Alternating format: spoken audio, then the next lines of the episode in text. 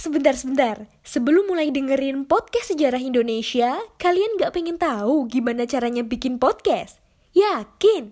Gak susah kok. Coba deh download Anchor Podcast. 100% mudah, 100% gratis.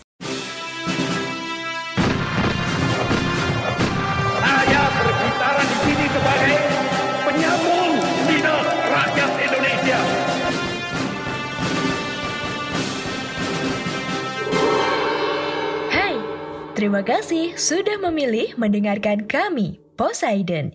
Podcast yang bikin kalian gagal move on. Oke Sobat Poseidon, selamat pagi, selamat siang, dan selamat malam Tergantung kapan kalian mendengarkan podcast ini Kita ketemu lagi di Podcast Sejarah Indonesia Bersama saya, Saifuddin Alif Gak usah pakai basa-basi, kali ini saya mau ngomong soal Perang Maluku Yang dipimpin oleh Kapiten Patimura Mungkin dari kalian ada yang bertanya-tanya ya Kenapa kita bahas Perang Maluku? Apa pentingnya bahas Maluku coba? Kenapa nggak bahas Jawa aja? Loh, loh, loh, loh. Jangan salah. Maluku ini adalah daerah yang menjadi tujuan utama bangsa barat buat penjelajahan samudra. Loh, kok bisa? Ya karena komoditas rempah-rempah yang dihasilkan. Jadi kawasan Maluku ini pada masa lalu ya setidaknya sampai abad ke-19 lah ya. Itu jadi surga bagi para pencari rempah-rempah karena kualitas rempah-rempahnya yang sangat baik. Ingat, kualitas rempah-rempahnya yang sangat baik. Jadi ada juga sebenarnya daerah yang lain penghasil rempah-rempah, nggak cuma di Maluku aja, tapi yang terbaik memang di kawasan ini karena kualitasnya banyak pedagang internasional seperti Cina, India, dan Arab datang ke kawasan ini untuk mencari rempah-rempah. Terus mereka jual di tempat yang lain. Terus, sekitar abad 16 sampai abad 17, bangsa Eropa seperti Inggris, Belanda, Spanyol, dan Portugis kemudian mencoba memperebutkan kekuasaan dagang atas Maluku. Nah, usaha dari orang-orang Eropa inilah yang menjadi awal dari penjajahan bangsa-bangsa barat di Nusantara. Jadi jangan ada lagi yang bilang kenapa mesti Maluku bla bla bla bla bla bla. Ini kawasan penting banget, ya. Oke, kita langsung lompat ke abad 19. Singkat kata, setelah perang ini itu segala macam, Belanda berkuasa di Nusantara termasuk di Maluku. Aturan-aturan Belanda, saya nggak mau bilang kebijakan ya orang nggak bijak sama sekali. Aturan-aturan Belanda ini banyak yang merugikan rakyat Maluku. Ya iyalah, secara mereka kan menjajah gitu kan. Salah satu yang bikin rakyat Maluku geram itu ya monopoli dagang dari Belanda lewat pelayaran Hongi yang terkenal itu. Jadi rakyat Maluku nggak bisa lagi jual rempah-rempah kecuali kepada Belanda. Itu pun juga dibeli dengan harga yang murah.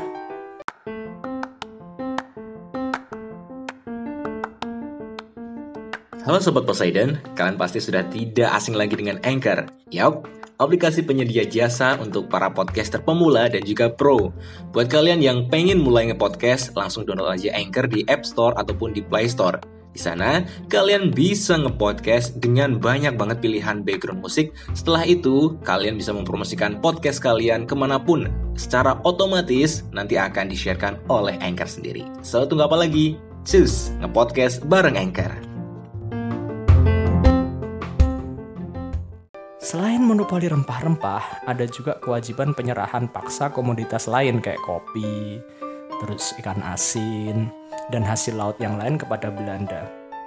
Belum lagi residen Saparua, ini sewenang-wenang banget pas memimpin.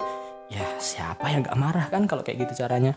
Nah akhirnya rakyat Maluku ini khususnya di daerah Saparua sepakat untuk melakukan perlawanan yang dipimpin oleh Thomas Matulesi atau biasa disebut sebagai Kapiten Patimura.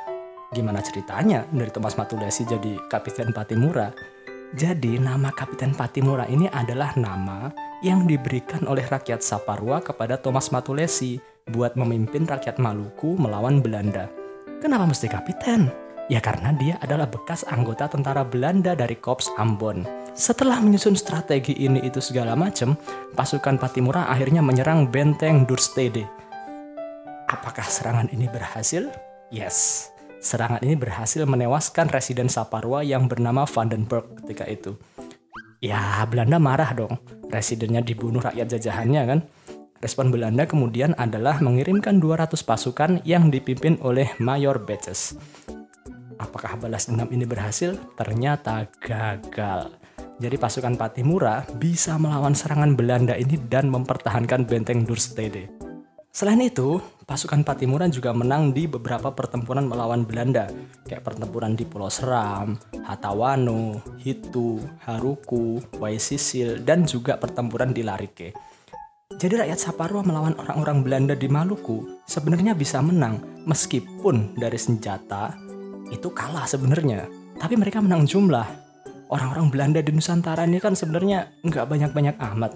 Apalagi cuma di daerah Saparua, dikit banget. Kekalahan rakyat Saparua ini mulai terjadi sejak pihak Batavia mengirimkan armada tempurnya ke Maluku. Ya udah, kalau Batavia yang turun tangan berarti kekuatannya pasti lebih besar. Di sini rakyat Saparua kewalahan. Selain peralatan tempur, kualitas pasukan juga jadi faktor. Faktor apa? Ya faktor kekalahan mereka. Hmm, maksudnya gimana? Maksudnya adalah rakyat Saparua ini kan rakyat biasa yang dijadikan pasukan tempur, bukan pasukan yang terlatih.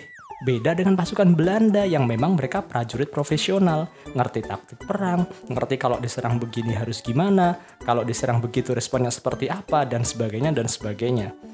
Ditambah lagi, ada pengkhianatan dari rakyat Maluku sendiri, yaitu Raja Boy dari Saparua, yang membocorkan informasi tentang strategi perang Patimura.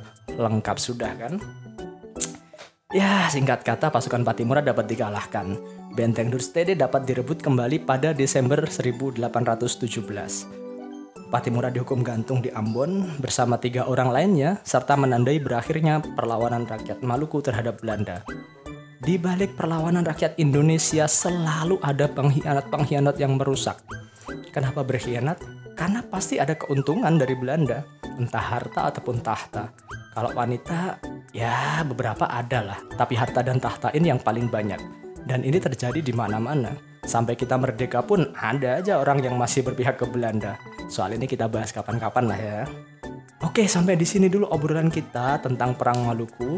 Sampai jumpa di podcast-podcast selanjutnya. Tetap jaga kesehatan karena COVID masih belum selesai. Dan yang belum divaksin silahkan mendaftarkan diri untuk segera divaksin. Nggak perlu takut, nggak perlu khawatir kalau divaksin gimana-gimana. Insya Allah aman. Tetap patuhi protokol kesehatan dengan 5M, yaitu memakai masker, mencuci tangan dengan sabun dan air mengalir, menjaga jarak, menghindari kerumunan, dan mengurangi mobilitas. Tetap sehat, tetap semangat selama masa pandemi, supaya kita bisa belajar bersama di podcast Sejarah Indonesia. Saya Saifuddin Alif undur diri, selamat melanjutkan aktivitas dan sampai jumpa. Terima kasih.